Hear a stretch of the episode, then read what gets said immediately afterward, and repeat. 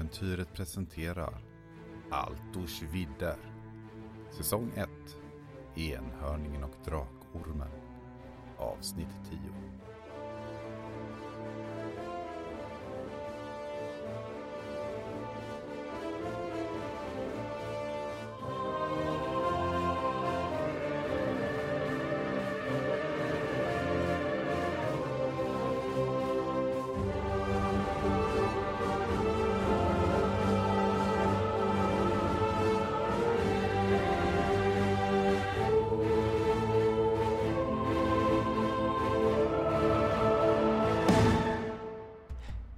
Sim befinner sig på kyrkogården.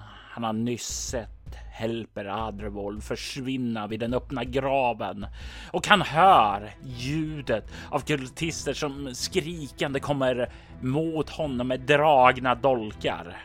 Du kan höra strid omkring dig. Strid som utkämpas av ebboltar och andra kultister. Men de har inte tid att ägna uppmärksamhet åt dig nu, för du är under attack av två stycken kultister. Det är dags för dig att slå ett initiativ. Jag slår en 10 plus smidighet. Eh, 24 plus 3. 27. Och det är ju definitivt högre än deras 15, så du kan börja beskriva för mig vad du gör när du ser de här två kultisterna komma rusande mot dig. Jag ehm, har ju mitt svärd beredd och jag har min sköld framför mig så jag eh, går liksom ner eh, i och eh, säkrar min plats. Eh, alltså böjer på knäna lite grann, upp med skölden, eh, svärdet i en eh, färdigställning och jag kastar en blick för att titta på vem jag bör attackera först. Och du kan ju se att det är en som är på väg eh, fram snabbare än den andra. Han kommer komma mot dig först och det är väl bäst att ta honom så du kan vara beredd att parera den andra. Precis. Jag eh, gör ett eh, utfall som jag brukar göra, att jag håller liksom upp min sköld för att eh, förvirra honom lite grann och inte riktigt se mig och var mitt svärd kommer för det har jag liksom lite mer vid sidan. Och sen gör jag egentligen bara ett, ett hugg rakt fram men beredd att liksom svänga runt honom eh, undan hans blad efter det hugget. Slå. Jag slår 13 och jag har 16 så det är en träff. Och när du hugger så försöker kultisterna att parera dig. För han tänker att om man skyddar sig själv till eh, dess att dess van, vän kan attackera dig så är allting bra. Men problemet med hans dolk är ju att han inte är tillräckligt duktig för att parera det här hugget så du kan slå ett skada för honom. Och plus en T2 och 2, eh, 6. Och sex är definitivt eh, nog för att han ska skrika av smärta när du liksom ger honom ett eh, riktigt hugg. Den andra kultisten kommer fram och eh, gör ett utfall med sin kniv och med ett resultat på 10 så är det en träff. Eh, vill du parera? Jag vill parera och jag parerar med min sköld då gissar Ja. jag jag kan göra. Eh, då slår jag det. Oj, jag slår två och då är jag lyckad såklart. Ja, och du slår undan dolken utan problem. Striden hörs omkring dig. Har du färdigheten taktik? Jag har eh, inte färdigheten taktik. I så fall så är ju du vagt medveten om vad som sker runt omkring dig. Eh, men du har fullt fokus på de kultister som står vid dig just nu antar jag. Ja, jag är oftast, eh, jag har ju de senaste åren har jag mest slått, slagits i eh, arena. Så det är det är de reflexerna som kommer först här. Ny runda och det innebär att det är du som agerar först. Eh, Jag eh, ser ju problemet med att jag har två stycken motståndare så jag försöker ju runda eh, så jag får den som kom efteråt mellan mig och den andra kultisten eh, samtidigt som jag gör ett utfall mot honom igen då som står framför mig. Absolut, slå ett slag. Eh, Jag slår 11 och jag har 16 så jag träffar ju i alla fall. Slå skada. 3, 4 plus 1, 5 i skada. Och du får ju in en träff till och han skriker då han faller ner till marken. Du kan se att han är inte död, men han har en KP kvar, vilket innebär att han inte kan göra någonting annat än att bara ligga där och börja kräla, kräla bort ifrån den här situationen just nu. Du är kvar med den andra och nu när den första har fallit så är det ju fritt att försöka hugga dig och han försöker kretsa åt din sida och han slår emot dig. Och han får en etta på det första slaget, men en 20 på det andra. Så det är bara en träff. Du kan försöka parera. Ja.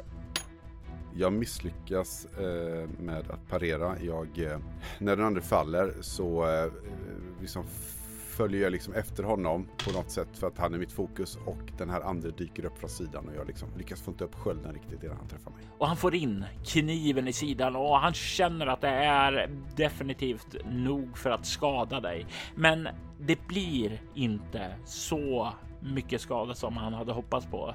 Du har ju en läderrustning och den skyddar två, så du får sammanlagt ett i skada när han letar sig in genom rustningen med kniven, men inte gör ett särskilt allvarligt sår. Ja, jag svär högt över detta och eh, ställer mig i bättre position för att försvara mig mot och kunna attackera igen. Vrål hörs omkring dig, men du vet inte om det är Boltars eller någon annans vrål som ekar här på kyrkogården. Det känns i alla fall som det striderna här är på väg att börja lugna ned sig, men du vet inte om det är en bra eller dålig sak. Du vet bara att det är en ny runda och det är du som har initiativet. Jag eh, taggad av det här skadan och smärtan som den ändå gjorde även när det var ett, ett ytligt, ett ytligt sår så uh, vrålar jag ut i vrede och kastar mig mot okultisten. Jag träffar. Slå skada. I min ilska så kommer jag upp i 7 plus 2 så 9. Jag gör ett, ett, liksom ett hopp nästan med spetsen först och ska sikta i halsen på honom. Du hör hur han vrålar av smärta. Det är en skada som han inte var beredd på att få, inte så mycket. Det gör att han eh, skriker som den stuckna gris han är. Han skriker av smärtan och det får honom att med en frenesi i blicken bara ge upp allt, ge upp sitt liv. Det finns ingen återvändo nu. Det finns bara en sak och det är att de otrogna måste dö. För Onabys! Och nästa ögonblick så kastar han sig med dolken. Den dolk som han har i sin hand, den blänker till i månskenet far ned emot dig och missar helt och han landar omkull på marken bredvid dig med en duns. Jag passar på och eh, byter grepp på svärdet så jag kan få en, en bra sånt eh, spetsarna rakt ner i ryggen. Du kan få slå med CL plus 3. Och eh, slå 9 så det är ju jättebra träff. Och du behöver inte slå skada för det är nog för att du sätter ner den i hans rygg och han ger ifrån sig ett dödsskri innan det han för evigt slutar röra på sig. Jag eh, löper faktiskt i kapp den som eh, kryper härifrån och avslutar hans liv också. Jag har sån vrede i kroppen nu. Du kan se att han inte verkar ha försökt att krypa därifrån, utan det är som han försökt krypa bort emot graven som var skyddad av någon form av barriär tidigare. Men han har inte kommit särskilt långt här utan han ger ifrån sig ett skri när du sätter ned svärdet där i honom. En tystnad lägger sig över kyrkogården. Jag hör hur blodet pulserar och dunkar in i mitt huvud och jag försöker liksom få kontroll över andning och adrenalinet. Jag, jag blev ju, jag känner mig överraskad mer än jag vill erkänna i det här och försöker lugna ner mig och får blicka ut, försöker blicka ut över kyrkogården och se vad Ebboltar är om det finns fler hot. Du kan se hur Ebboltar är här. Han har nyss torkat ren sitt vapen och satt tillbaka det över ryggen. Du kan se de döda kropparna omkring honom. Han kollar mot dig, dröjer sig kvar med en blick och säger sedan Ja, Bättre sent än aldrig, antar jag. Var har du varit? Jag... Eh, det är en lång historia. Ska vi verkligen stå kvar här? Vi behöver väl... Vad var det här för recept och vad är det de håller på med här? Det, det känns inte bra. Har vi... Eh, är det för sent? Kom jag alldeles för sent? Ja, du kom ju senare än vad man hade hoppats på. Jag väntade i längsta innan du skulle komma, men eh, ja, jag har ingen aning om vad det där receptet skulle vara. Eh, jag ska inte säga att jag är någon expert på magi heller, eh, så jag kan inte gissa mig till vad det skulle vara göras. Men det känns ju inte som om det är någonting gott i alla fall. Någonting pågår här. Frågan är bara vad. Vi behöver hitta översteprästinnan. Hon var inne i templet och templet verkar vara täckt av Bolgoves tystnad så förhoppningsvis har hon inte hört någonting så vi kan överraska henne nu. Eh, jag kom den vägen. Eh, jag tror att vårt eh, överraskningsmoment är för sent. Okej, okay, och du tog inte i hand om henne? Jag tog hand om hennes väktare, men hon, hon, erta, hon överraskade mig och ja, hon gjorde något med mitt huvud så jag kom in i någon typ av mardröm. Ja, jag var där förr. Ja, vi, vi tar det senare. Vi, vi måste efter henne. Vi kan inte stå här och vänta bara. Hon är nog borta sedan länge, men ta och börja söka efter henne. Jag tar mig tillbaka och rapporterar till Abraham. Var, var försiktiga. Hon, hon, hon kan verkligen komma in i huvudet och få en att se saker jag vill bara säga det. Jag har ett band till min gud. Du kan se han tar och fattar den här heliga symbolen som han har hängande om halsen och håller den i sin hand. Om du skulle stärka bandet till din gud så skulle inte du heller behöva oroa dig för det. Var stark i din tro så kommer din tro att skydda dig från sådant. När han säger det här så nästan omedvetet så tar jag med handen på mina underarmar där jag tidigare hade de här ja, märkena. Etin är inte, inte är Etin. Det går liksom en rysning genom mig när jag ändå kommer ihåg de här scenerna jag såg framför mig och det här med, med gudar och med... Ja. Just nu känns det bara obehagligt. Men jag litar på Boltar och förstår att det finns något där som jag kanske borde undersöka mer. Men jag vet inte riktigt hur. Jag, eh, jag ger mig av direkt. Och jag vänder mig om och jag slänger upp skölden på ryggen och eh, fäster fast svärdet och börjar springa. Ja, och du rusar ut. Och jag tänker mig, var rusar du någonstans? Rusar du? Jag tar, jag tar vägen via templet helt enkelt. Och när du rusar in i templet så kan du ju se att det finns ju inget spår av henne där. Se någon eh, annan person, antingen någon som är skadad eh, och, och, lever eller någon som eh, lever. Du ser bara döda kroppar där inne. De andra som fanns där i liv har rört sig ut efter dig och anföll dig. Förbannat. Jag eh, kastar mig ut eh, i, i, natten och Ja, jag vet inte vad jag tror att jag ska hitta men jag, jag tittar in i mörkret åt olika håll och försöker liksom tänka på vad om det finns någon, någon riktning som verkar mer relevant eller om jag ska ge mig tillbaka till värdshuset. Jag, jag är, jag är ur form, jag kom sent till striden, jag hade inte min utrustning, jag har blivit lurad eh, ett flertal gånger nu. Jag är, jag är väldigt upprörd och eh, jag har svårt att tänka klart. Låt oss se om du i denna dimma kan eh, röna några spår. Jag vill att du slår ett slag för spåra. Det gör jag. Där har jag hela två. Och slår 19. Du är i ett tillstånd som det är inte lätt att hitta spår. Särskilt inte när man är kass på det i ursprungligt läge. Och det innebär ju att du faktiskt står där irriterat, frustrerat i natten och inser att Maurelin har kommit undan. Och om hon vet vad som är gott för henne så kommer hon inte vara kvar i trakten.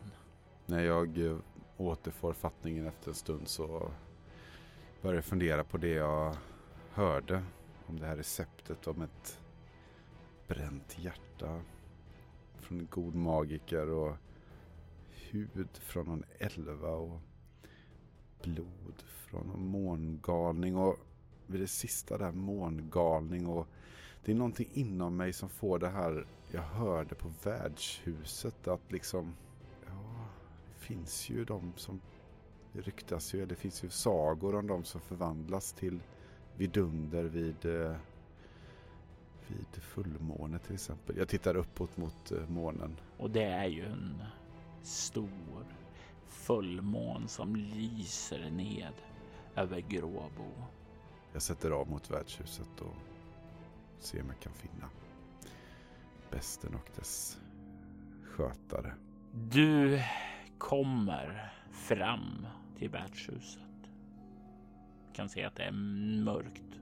Det verkar som om de har stängt nu. Det är mitt i natten. Gatorna hit har varit ödsliga.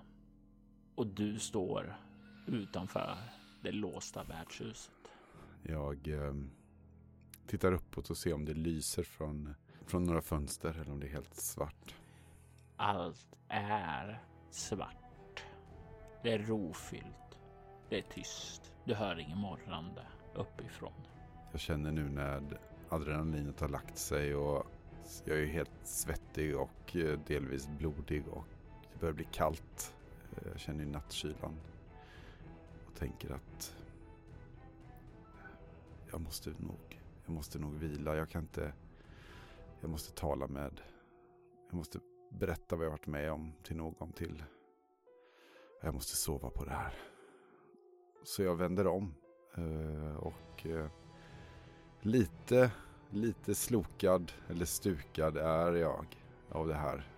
Det har varit framgångar i natt men ändå inte tillräckligt. Och den här extremt farliga personen är ute i, i natten. Men jag, jag är för trött, jag är för skadad och förvirrad här nu för att kunna ut vettigt. Jag måste sova och sen imorgon kanske jag kan hitta ett nytt spår. Jag vill att du slår ett slag för att upptäcka fara.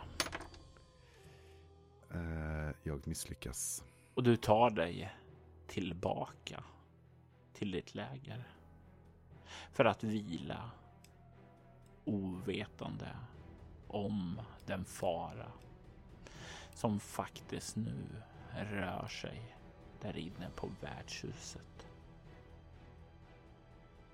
Du kommer tillbaka till lägret. Lägger dig ned i sängen och det tar inte många sekunder sedan du sluter dina ögon för att du ska glida in i en djup, rofylld sömn. Du vaknar med ett ryck när det blåser till revelj där utanför. En ny morgon har kommit och du rycker till där av det. Du känner dig utvilad och du kan få slå en T4 plus en för att se hur många KP som du får tillbaka. Oh, 3 plus en, fyra stycken. Du vaknar som sagt var, känner dig lite bättre och du lägger märke till att borta i den andra sängen så ligger nu Narl och sover. Narl? Jag, liksom, jag flyger upp ur, ur sängen och eh, alldeles för, eh, för okontrollerat och eh, utropar jag liksom eh, högt. och, och tittar liksom förvånat och lite väldigt förbluffad. Eh, och jag har ju tusen frågor som surrar i huvudet. Narl, du är här. Jag talar liksom till honom som att han skulle vara vaken. Och om han inte vaknar av min röst så går jag fram liksom och skakar liv i honom. Och när du tar fram och skakar liv till honom så ser du hur kroppen glider livlöst ned. Du kan se hans blanka blick stirrar upp och du kan se att han har någonting inristat på bröstkorgen för visat intresse. Står det så på hans... Eh... Någon har karvat in det i bröstkorgen med en kniv. Vidhetin, det här är ju... Vakt!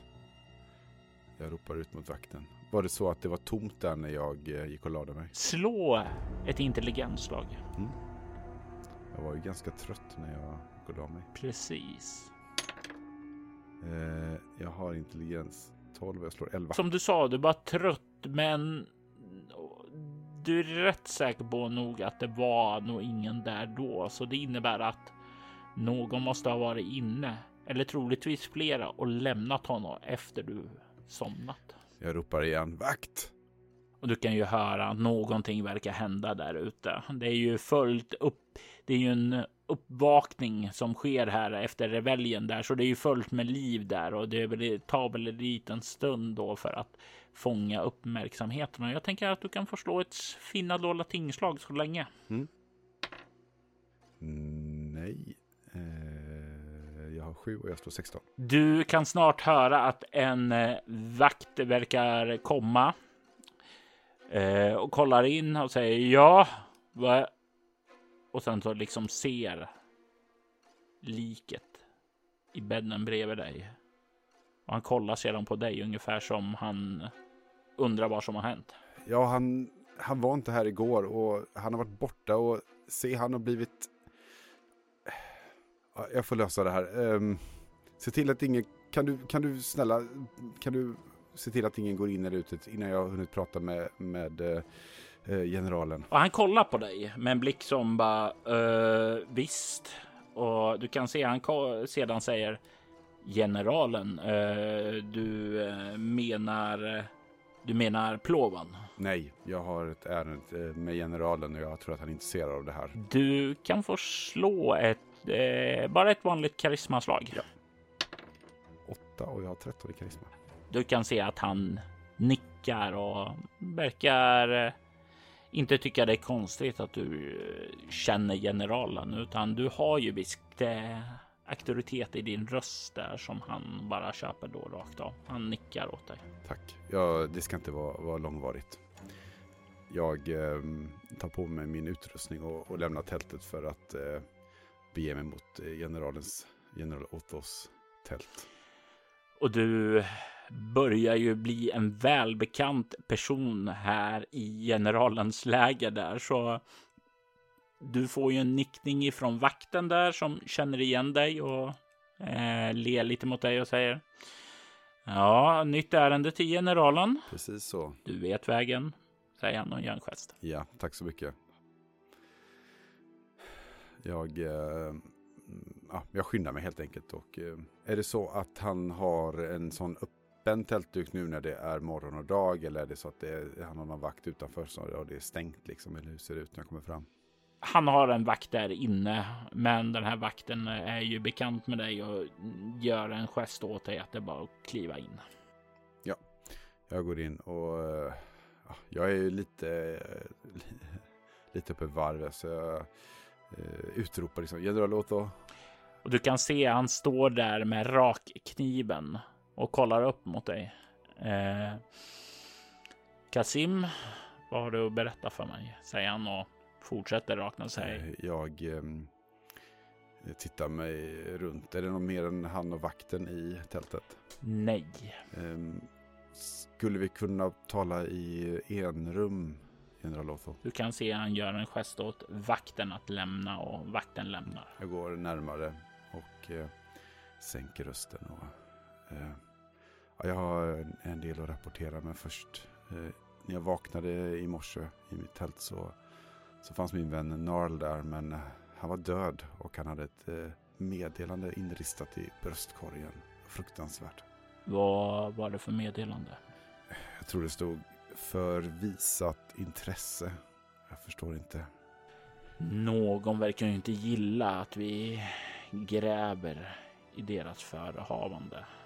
Det känns som allt det här är saker som hänger samman. Mordet i templet, det här ritualen på kyrkogården och giftet förstås. Ja, jag kanske ska avrapportera vad som har hänt det senaste dygnet här. Om det går bra att jag gör det redan nu. Absolut.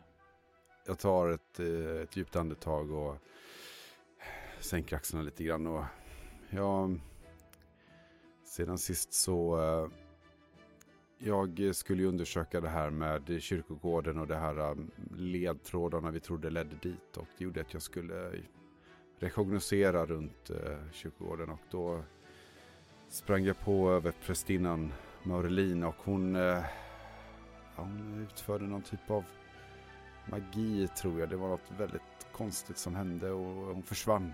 Eh, men jag förstod att jag var iakttagen och jag tänkte om jag kunde lura med henne upp till Aniak-templet där allting hände så kanske jag kunde fråga ut henne.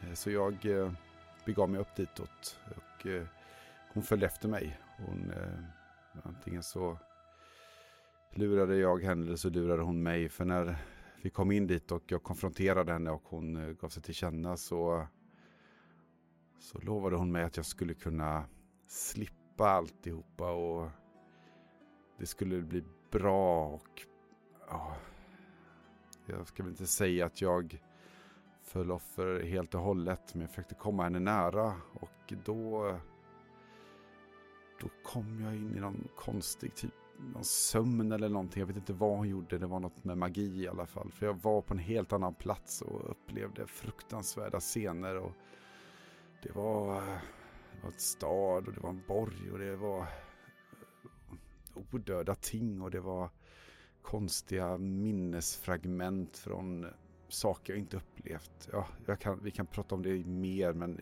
det var väldigt Maurelin är ju prästinna i Bolgove-templet och Bolgove är ju kopplad till sömnen så det förefaller ju inte otroligt att det är någon form av gudomlig gåva som hon har brukat. Men varför, varför hon skulle ha hänfallit åt sådan här ondska?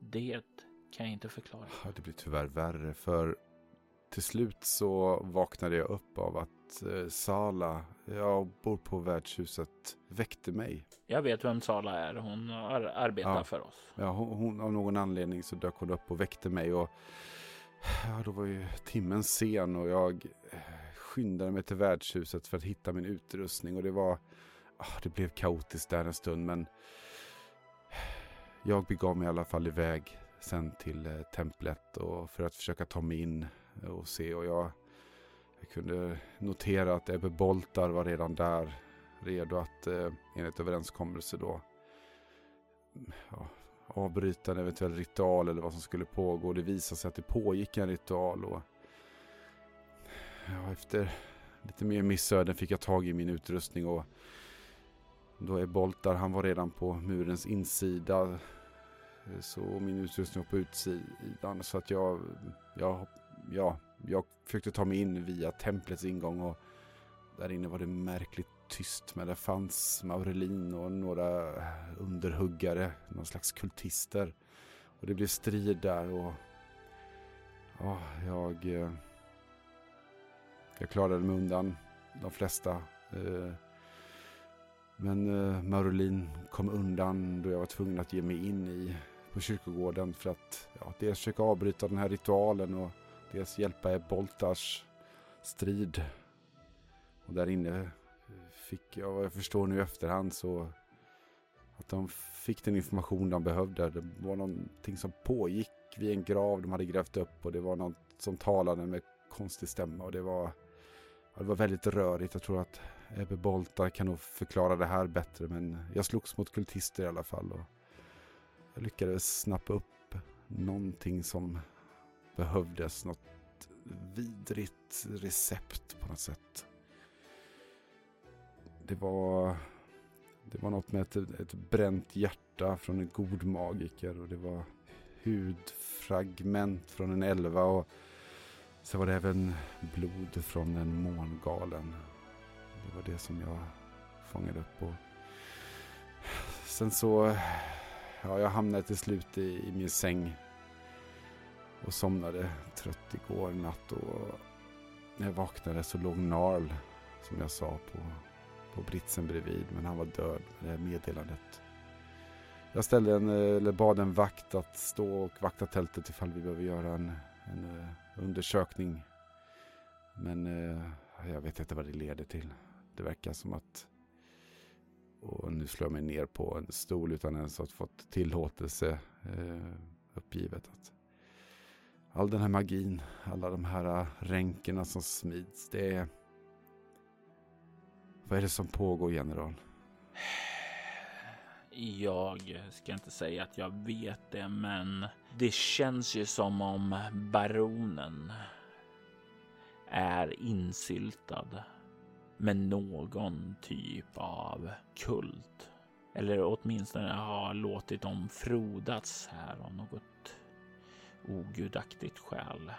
Det gör det ju bara viktigare att vi störtar hans tyranneri här. Men jag gissar på att det bästa vi kan göra nu är att du tar och uppsöker Sala. Hon är en skicklig besvärjerska. Hon är en spiritist. Hon har kontakt med andevärlden och kan kanske förklara vad det här receptet är för någonting. Givetvis, general. Jag kommer på mig och ställer mig upp och jag, jag ger mig av direkt. Ska jag... Ska vi skicka någon till tältet och ta hand om Narl? Du sa att du hade tagit hand om det. Ja, jag bad en vakt att eh, ställa sig utanför och ja, så ingen går in.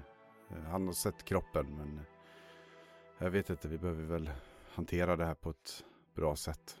Eh, låt mig skriva ett brev och eh, så kan du överlämna det till vakten så kan han ta det till plovan. Det ska jag göra. Jag eh, ställer mig liksom mer och avvaktar hans, hans brevskrivande. Och han skriver ner det och sen försluter det med en vaxsigill och räcker sedan över det till dig. Tack general. Jag gör honör och eh, lämna tältet i lätt språngmarsch. Du kommer tillbaka till lägret. Du kan se hur vakten står där ute. Förlåt om det dröjde lite. Här, eh, jag har ett eh, brev från eh, generalen. Det ska innehålla instruktioner om vad som behöver göras. Jag måste, jag måste tyvärr ge mig iväg. Um, innan du gör det. Jag var inne och kollade lite i tältet och jag, eh, rekryten här. Han hade någonting som han höll krampaktigt i sin hand. Han tar och plockar ut en eh, ett papper som är ihopskrynklat och blodigt och räcker över det till dig. Jag tar emot det och eh, funderar på om jag verkligen ska läsa det. Eh, men Ja, jag vecklar långsamt och försiktigt upp det. Texten som är nedskriven är med rött bläck.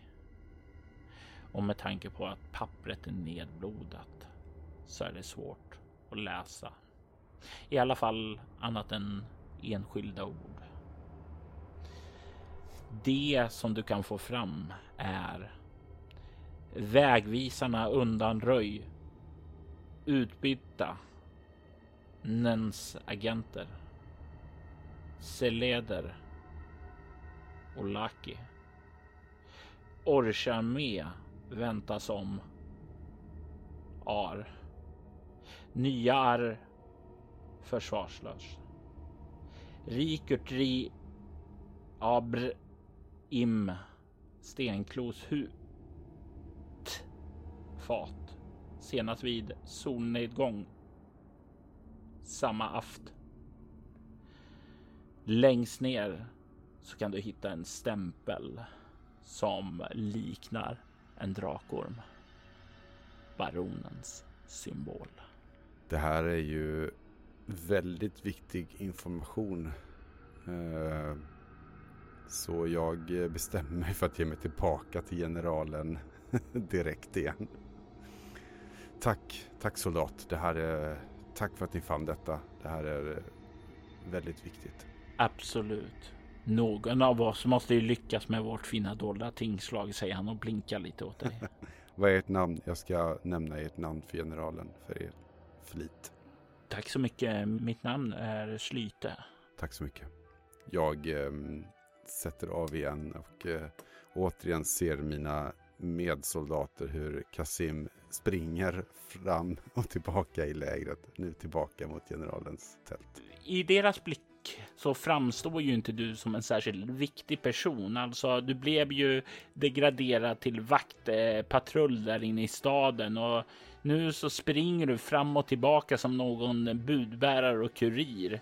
Någon kanske har sett dig lämna över något, ett, per, ett, eh, en eh, pergamentrulle till en vakt där. Alltså, du känns ju mer som en springpojke i deras ögon än någon som sysslar med någonting viktigt här.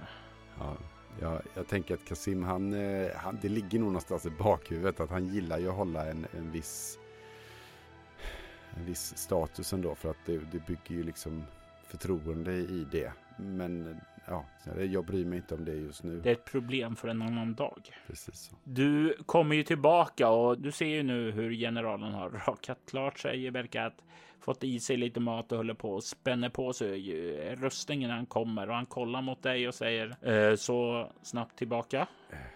Det har. Det kom mer information. Eh, är det hans? Eh, hans vakt här inne igen? Han är själv nu. Jo, det var vakten som eh, vaktade eh, Schlyte. Han var väldigt uppmärksam och eh, fann ett eh, pergament. Eh, jag tror att han, eh, han verkar ha goda kvaliteter. Så eh, jag vill bara nämna hans namn. För det jag missade det han såg. Och det betyder kanske någonting. Att jag behöver vara mer uppmärksam kanske framåt. Men ja, den här lappen i alla fall. Jag håller upp det här blodiga pergamentet. Jag har eh, försökt att läsa det och eh, min tolkning är att eh, det är eh, det finns eh, folk som har trängt sig in på något sätt i antingen våra led eller i, i någon, något som har tillgång till kanske lägret eller till armén. Det är några vägvisare som varit undanröjda, utbytta mot några agenter. Sen är det någonting jag inte förstår. Det kanske delar av namn, Seleder och Laki. Men det nämns en Orch-armé som väntas om ett tag och att nya armén då är, skulle kunna vara chanslös. Sen ett till namn, Rigut Ri någonting och sedan... Det måste ju vara Rigut Riko, baronen alltså. Ja, så dum jag är. Um, uh, men i alla fall, det fortsätter med något som mycket väl ska kunna vara Abraham Stenklos huvud på ett fat sedan vid solnedgången samma afton. Så att eh, en armé på väg hit som vi kanske inte känner till. Eh, att eh, baronen vill ha ja, Stenklos huvud på ett fat eh, Eh, ganska snart gissar jag. Eller om det är... Eh,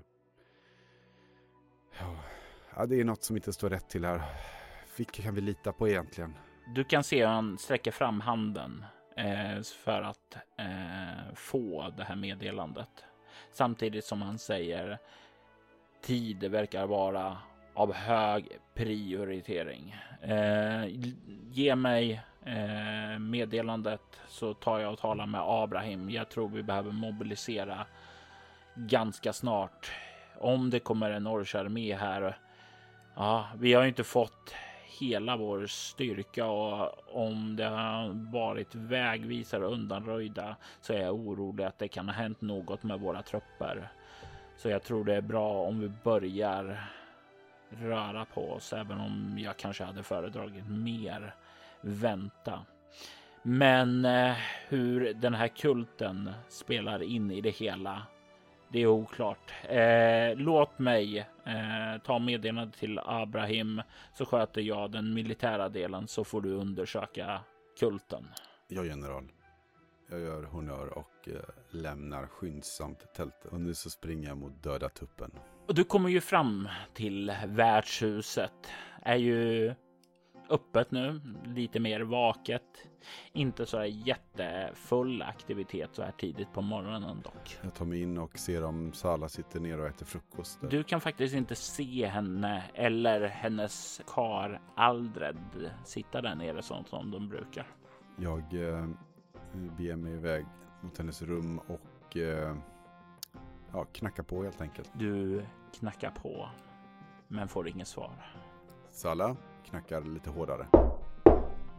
Fortfarande tyst. Jag känner på dörren. Den är inte låst, utan den glider upp. Du kan se att det är, det är tomt och du kan se spår efter att det verkar vara något tumult här. Du kan se några blodspår i sängen. Du kan se också att det ligger ett par kedjor på golvet.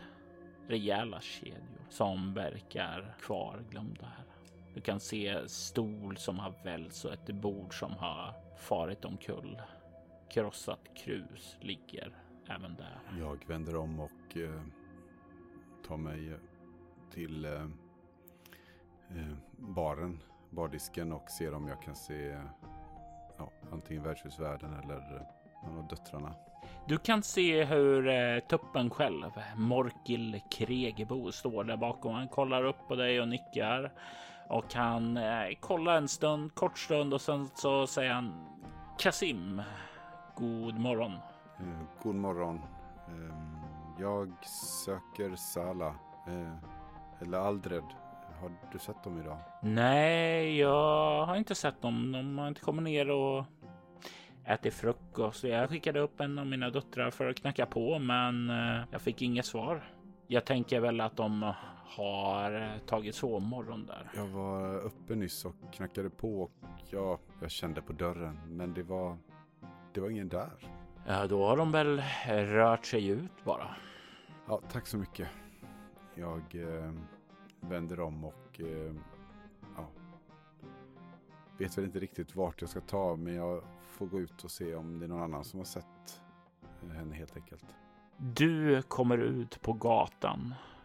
Kan känna morgonsolens rodnad. Det är en ny dag. Du känner dig lite vilsen. Du vet inte var Sala eller Aldre är, men de är inte på sin rum. Det var ju tyst igår då du var där. Och du får en gnagande känsla av att det var någonting där. Någonting där igår som du inte riktigt kunde sätta fingrarna på. Som om den här platsen var övervakad. Jag eh, tittar mig omkring och eh, försöker se om det finns någon person som eh, försvann de i, i natten så är det ju ändå vaktbyten sedan dess. Så att det är inte någon av de här. Det som slår mig är ju att det var ju ganska stort tumult vid Bulgove-templet i, i, i natt. Frågan är vad, hur det är där nu. Vad som i efterspelet av allt dödande och eh, ja, så att eh, i brist på bättre så går jag faktiskt förbi Borgovetemplet och tittar i min jakt efter att hitta någon typ av ledtråd eller någonting som avviker från det naturliga. Du eh, möter ju upp med vakterna som finns där. Eh, du känner ju mm, igen någon sedan tidigare då du tog och meddelade om händelsen borta vid Aniak-templet. Och du får ju då reda på att de håller på att eh, undersöka något spår om eh, Maurelin och vad hon har sysslat med här. Eh, det verkar som om Ebboltar har informerat dem om händelserna igår. Jag eh, får jag fråga er, har ni, har ni sett en, en eh, Sala och eh, Aldred? De bodde på värdshuset och eh, de verkar vara försvunna för tillfället. Eh, det där tystlåtanparet som eh, arbetar för nya armén. Precis de. Näpp. De rörde sig lite mer i stan för några dagar sedan, men eh, under sistone så har de hållit sig på värdshuset. Vet ni, vet ni hur bevakningen såg ut i natt? Och vem som skulle kunna, man skulle kunna prata med som kanske kan ha sett någonting? Eh, på morgonmötet så fick jag höra att det bara hade varit ganska lugnt under natten. Det enda som fanns att rapportera var ja, där vi står nu. Mm, jag förstår. Ett, ett leende smyger sig över min mun när jag tänker på nattens strid. Någonstans så är det ändå någonting med striden som, som får mig att känna mig extra levande. Ja, tack så mycket. Jag ska jag får fortsätta mitt sökande. Jag vänder om och går in mot staden igen. Kasim vänder tillbaka till staden. Salla och Aldred är försvunna. Precis som Maurelin verkar vara. Spåret av kultisterna verkar ha blivit kallt och plötsligt känns Kasims kamp lite jobbigare. Ett minne av det tillfälle där han föll för Maurelins lockelser hemsöker honom. Hade allting kunnat gå mycket bättre om han hade motstått det? Eko av Ebboltars ord om att ha ett starkt band till sin gud hörs där också. Och det blandas in med den här mardrömsvisionen. Etin är inte, inte är Etin. Tankarna virvlar i hans huvud. Frågan är bara vad för trådar som han har kvar att dra i. I detta avsnitt hör vi Jörgen Niemi som den ärrade gladiatorn Kasim. Spelledare var Robert Jonsson, som även stod för ljudläggning och klippning. Enhörningar och drakormen var ett av äventyren som följde med Erebaltor-boxen som släpptes 1989. Altorsvidders temamusik gjordes av Andreas Lundström, som även bidrog med musik till avsnittet. Övrig musik i detta avsnitt gjordes av Aski och Derek och Brandon Fischter. Länkar till artisterna hittar du i avsnittets inlägg. Altersvild är en spin-off-podd av soloäventyret. En rollspelspodd där du kan höra skräck och science fiction spelas i form av rollspelen Bortom och Leviathan. Du hittar mer information om båda poddarna på bortom.nu. Du kan följa oss på Instagram och Facebook som Altersvidder eller Spela Bortom. Det går även bra att mejla oss på info.bortom.nu.